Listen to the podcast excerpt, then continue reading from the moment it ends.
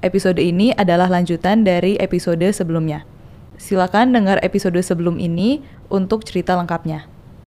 Sayang sekali, respons mama itu nggak seperti yang aku harapkan. Aku harus keluar dari rumah karena ini bukan tempat yang aman lagi buat aku. Halo, panggil aja aku Vin. Dan hari ini aku mau bercerita tentang pengalamanku sebagai anak yang terlahir dari keluarga broken home dan perjalananku untuk menerima semuanya sampai di titik aku sangat mencintai diriku sendiri. Aku akhirnya memutuskan buat mencari bapak kandungku. Jadi temannya mamaku dan kenal sama bapak kandungku juga datang ngasih tahu aku ini nomor nomor handphone bapak kandungmu katanya. Aku SMS bapakku waktu itu dan langsung ditelepon. Tiba-tiba anaknya datang sendiri gitu. Ya bapak bapak pribadi bilang ini ada uh, keajaiban katanya saat itu. Uh, jadi ketika aku meminta dibiayai sekolah, bapak langsung ayo gitu, ayo di sini aja kata bapak. Di bulan April atau Mei aku nyusulin bapak kandungku dengan alamat yang udah beliau kasih naik bus sendiri aku menyeberangi pulau. Yang ternyata bapak kandungku di situ sudah berkeluarga lagi. Kehidupan kami setelah nggak ketemu bertahun-tahun itu luar biasa ya mengharukan. Meskipun tetap ada rasa asing yang nggak bisa disangkal karena perpisahan kami yang sangat lama itu bikin bapak terasa asing buat aku. Tapi aku tuh kayak mencoba untuk nggak menghiraukannya gitu kayak ya ini bapakku, ini loh bapakku yang asli tuh yang ini gitu. Ini bapakku yang bakal melindungi aku mulai sekarang. Ini bapakku yang nggak mungkin ngelakuin hal yang sama dengan yang dilakukan bapak sambungku gitu. Aku bakal aman di sini. Tinggal dengan ibu sambungku yang sebenarnya baik, tapi tetap ya anak sambung dan ibu sambung itu ada konflik dan konfliknya itu selalu berasal dari bapakku. Akhirnya aku tahu kenapa dulu bapak sama mamaku berpisah. Bapak punya banyak simpanan ya bahasa kasarnya. Aku memihak ibu sambungku karena aku tahu yang dilakukan bapakku salah gitu. Tapi ujung-ujungnya mungkin ibu sambungku juga nggak tahan ya dengan keadaan itu dan pada akhirnya mencari pelampiasan di mana yang ketika beliau marah ke bapak akhirnya aku juga yang kena gitu aku yang terancam gitu kalau mereka berantem pasti nanti ibu samuku bilang ke bapak gue racun nih anak kesayangan lo gitu. Tapi aku masih bisa tahan meskipun sering perang dingin ya udah aku jalan aja di situ. Tapi ada klimaksnya. Bapak tuh diberhentikan dari pekerjaannya dan sakit. Tapi di rumah aja tuh nggak membuat bapak jadi lebih baik saat itu gitu. Malah ada satu hari aku mencium bau yang aneh dari bapak yang ternyata itu adalah bau minuman. Bapak masuk ke kamarku bener-bener siang. Yang di situ ibu ibu sambungku ada, adik sambungku ada. Tapi mereka di luar ya, di luar kamarku. Kalau bapakku masuk ke kamar, terus mengatakan hal yang nggak pernah aku bayangin bakal keluar dari mulut bapakku gitu. Beliau tuh ingin memegang sesuatu yang vital di tubuhku dengan keadaan yang seperti itu gitu. Ya aku aku tahu beliau sedang di bawah pengaruh alkohol, tapi kan itu bukan hal yang bisa aku benarkan atau aku maklumi gitu. Aku tetap ketakutan dengan latar belakang aku sebelumnya. Aku pun diperlakukan sama buruknya gitu uh, oleh bapak tiriku. Terus sekarang bapak kandungku yang aku pikir bisa jadi pelindungku, penyelamatku, mau melakukan hal yang serupa gitu. Aku nggak mau kejadian yang dulu terulang lagi, jadi aku memutuskan buat keluar dari rumah. Jadi aku hubungi mama, aku minta tolong, terus mama menyanggupi meskipun nggak bisa sepenuhnya. Aku ngekos di dekat sekolah. Nah, untuk sehari-harinya itu aku jaga warnet waktu itu masih musim banget warnet kan aku diupah sehari itu 20 ribu uh, untuk biaya sekolah sendiri aku begitu keluar dari rumah aku langsung pendekatan sama guru BK aku langsung curhat aku langsung minta pertolongan uh, dan itu perjuanganku untuk meneruskan pendidikan gitu. Aku ketemu dengan laki-laki yang sekarang jadi suamiku waktu aku SMA. Jadi kita awalnya temenan dan akhirnya kita pacaran dan dia ada di sisiku di saat-saat aku kesusahan gitu. Eh, setelah selesai sekolah, aku kerja dan sempat menggeluti hobiku sekitar tahun 2015-2016 itu aku menulis di blog yang ternyata itu menyenangkan di tengah-tengah hektiknya hidup aku yang harus kerja dan beban-bebannya gitu. Meskipun pada akhirnya aku merasa aku lelah, kayak aku capek hidup seperti ini. Aku pengen ada orang yang bertanggung jawab buat hidupku. Aku pengen nikah. Ya, di usia yang waktu itu antara mau dan gak mau sih ya. Cuma pada akhirnya kami menikah muda memang tapi kami memutuskan untuk nggak memiliki anak dulu gitu yang akhirnya gagal tapi mentalku ternyata tertinggal ya untuk jadi ibu hamil, ibu menyusui dan akhirnya jadi ibu dari seorang bayi gitu.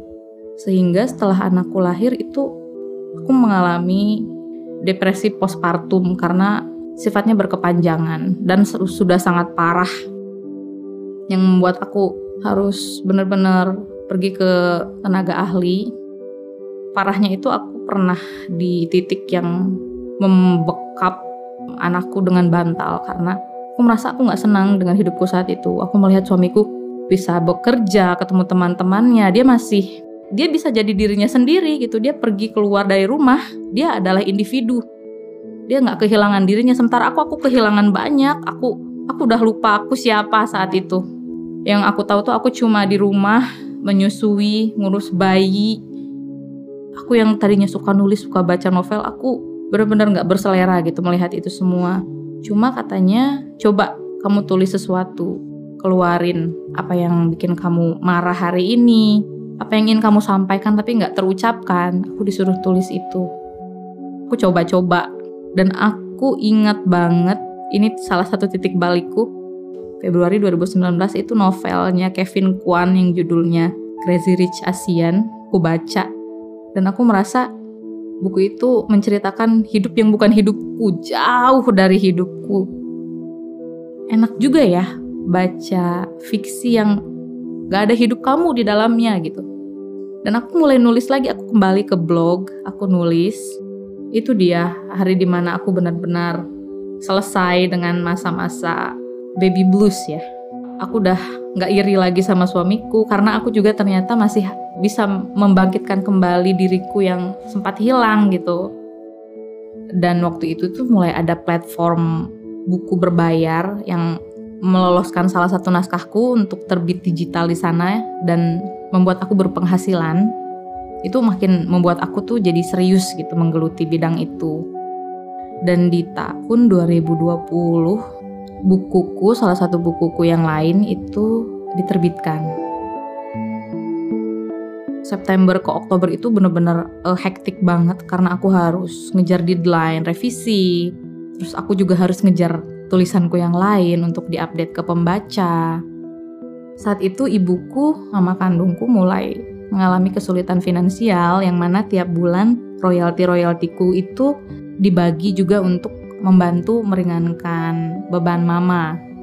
Yang tadinya menulis adalah hobi, saat itu maknanya jadi bergeser. Aku menulis untuk mencari materi juga gitu. Beberapa hari sebelum aku open prapesan buku yang dicetak, aku memergoki suamiku. Ada chat mesra dengan perempuan lain. Yang aku tahu dia itu adalah salah satu rekannya. Posisinya handphone suamiku rusak. Dan beliau pinjam handphoneku. Pas ada notifikasi masuk, aku buka dari nomor asing, isinya foto, foto seorang perempuan. Dan aku kan bingung ya kayak ini apa? gitu. Karena aku biasa melihat si cewek itu pakai hijab waktu itu kirim foto ke handphoneku nggak pakai hijab kan aku bingung ya. Aku tanyakan ke suamiku ya katanya iseng-iseng aja gitu. Dan aku tanyakan langsung ke yang bersangkutan kenapa kirim foto ke suamiku? Katanya iseng juga. Jadi aku langsung konfirmasi ke suamiku kamu berhenti deh gini-giniin kayak kamu mau selingkuh terus pakai handphone aku itu itu aja udah lucu gitu. Untuk kedua kalinya itu kejadian lagi. Jadi itu aku merasa aku udah ada di batasku gitu. Aku nggak bisa membiarkan ini lagi dan akhirnya kita bertengkar hebat. Aku memutuskan untuk nggak meneruskan pernikahan kami dan membiarkan suamiku mengambil hak asuh anak. Aku cukup sadar diri, aku takut kalau anakku ikut dengan aku, aku nggak bisa membiayai hidupnya gitu. Bohong ya kalau misalnya aku benar-benar bisa berpisah dari dia, meskipun katanya perselingkuhan itu adalah kesalahan yang nggak terampuni dalam pernikahan selain KDRT. Tapi aku juga sadar diri, aku nggak punya tempat untuk pulang. Aku merasa aku nggak punya siapa-siapa gitu jadi meskipun mulutku bilang aku siap untuk berpisah, jauh di dalam sana aku merasa aku harus ke mana gitu. Aku punya dua sosok bapak yang harusnya membuat aku merasa terlindungi, tapi mereka nggak ngelakuin itu gitu. Terus ketika aku mencoba mencari sosok laki-laki lain yang bisa jadi pendampingku, tapi aku dihianati dengan cara itu, itu bikin aku merasa hidupku ini apa gitu. Orang-orang bilang hidup adalah pilihan, tapi kan aku nggak bisa pilih aku lahir dari siapa. Aku nggak bisa pilih aku lahir dari mamaku atau bukan. Aku nggak bisa pilih loh siapa yang jadi bapak kandungku atau siapa yang jadi bapak sambungku. Itu bukan aku nggak berkuasa gitu untuk itu aku lebih banyak di posisi yang aku nggak punya pilihan. Selain aku harus terima dan aku harus lanjutin hidupku meskipun aku tuh kesakitan gitu. Uh, di akhir penyelesaian uh, masalah kami itu aku aku minta untuk dipertemukan dengan rekan yang ada main dengan dia itu. Yang tadinya dia udah setuju kita berpisah di situ langsung berubah pikiran. Aku nggak boleh ketemu sama rekannya itu. Dan dia janji dia mau memperbaiki semuanya aku ngobrol sama mama soal perselingkuhan suamiku dan mama tentu menginginkan aku untuk mengampuni suamiku dan memperbaiki hubungan kami lagi ya dengan dalih suamimu itu masih muda katanya tapi kalau misalnya kamu bertahan, dia bakal pulang ke kamu. Ibaratnya tuh kayak raja, raja itu bisa punya banyak selir, tapi kan ratunya cuma satu, katanya gitu. Terus kayak waktu itu aku nggak terima ya, karena kayak ngapain jadi ratu kalau hidupnya begitu. Aku jadi jelata aja nggak apa-apa. Cuma setelah kita bicara dari hati ke hati, dan akhirnya aku memahami gimana perasaan mamaku saat mama diselingkuhi walaupun waktu itu aku nggak nggak jadi selingkuhan ya tapi kan suaminya tetap berkhianat gitu aku mengerti gitu kenapa mama mengambil keputusan berbeda mama masih punya anak yang bayi merah saat itu nggak bisa dipungkiri mau bagaimanapun masih ada rasa sayang di hatinya ke bapak sambungku sama yang aku rasakan ke suamiku waktu itu aku masih ingat ada SM, SMS ya kalau nggak salah dari bapak sambungku setelah bertahun-tahun aku pergi dari rumah. Bapak minta maaf atas kejadian itu gitu. Atas apa yang pernah bapak lakukan sama aku dulu.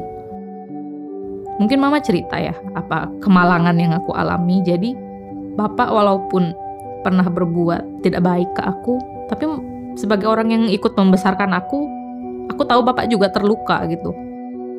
Aku nggak balas chatnya ya karena aku uh, aku ingin melupakannya sebenarnya tapi aku juga bingung mau balas apa aku nggak bisa bilang iya dimaafin karena ketika diungkit lagi waktu itu aku marah gitu aku kesal juga ya setelah uh, banyak pergolakan ya akhirnya aku setuju dan memberi suamiku kesempatan untuk memperbaiki hubungan dan rumah tangga kami dan suamiku sejauh ini dia berubah jauh lebih baik aku melihat dia bertumbuh secara emosional. Dia adalah seorang suami dan bapak yang luar biasa baik.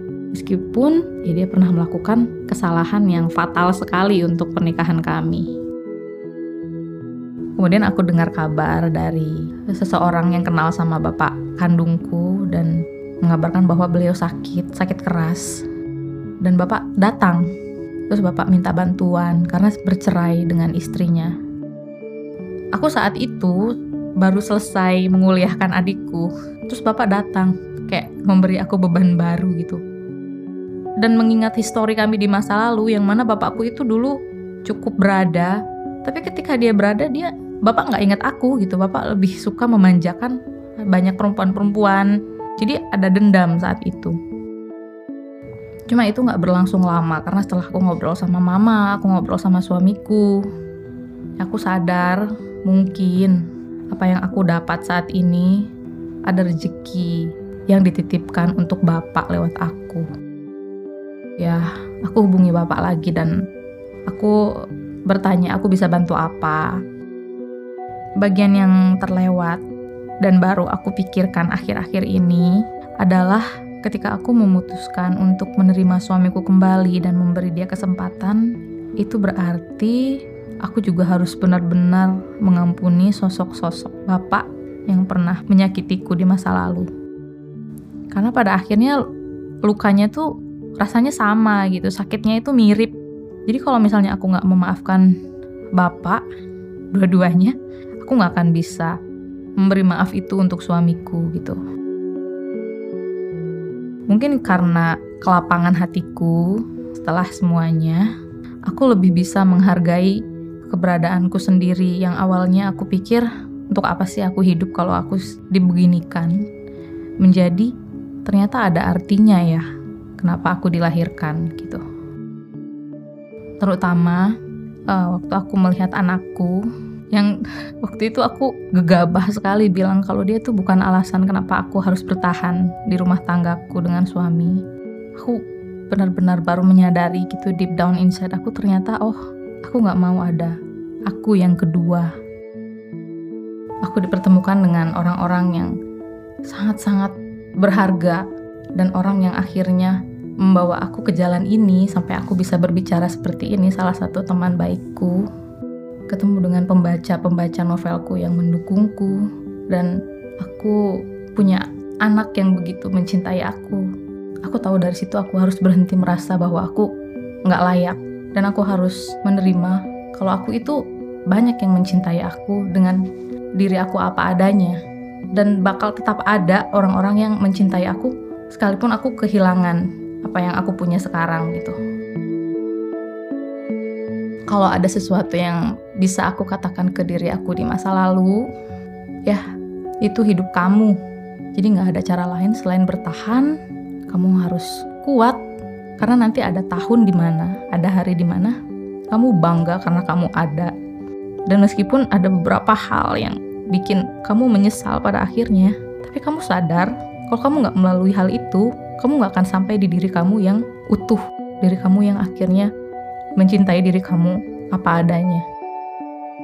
Aku nggak bisa bilang ini mudah, aku butuh belasan tahun untuk sembuh, tapi akhirnya aku bisa bilang kalau aku selesai. Aku akan hidup lebih bahagia lagi mulai sekarang. Semua orang pasti punya permasalahan hidupnya masing-masing. Kalau kamu, gimana caramu menghadapinya? Boleh banget nih, submit ceritamu dengan klik link di description episode ini. Kami tunggu ceritamu ya.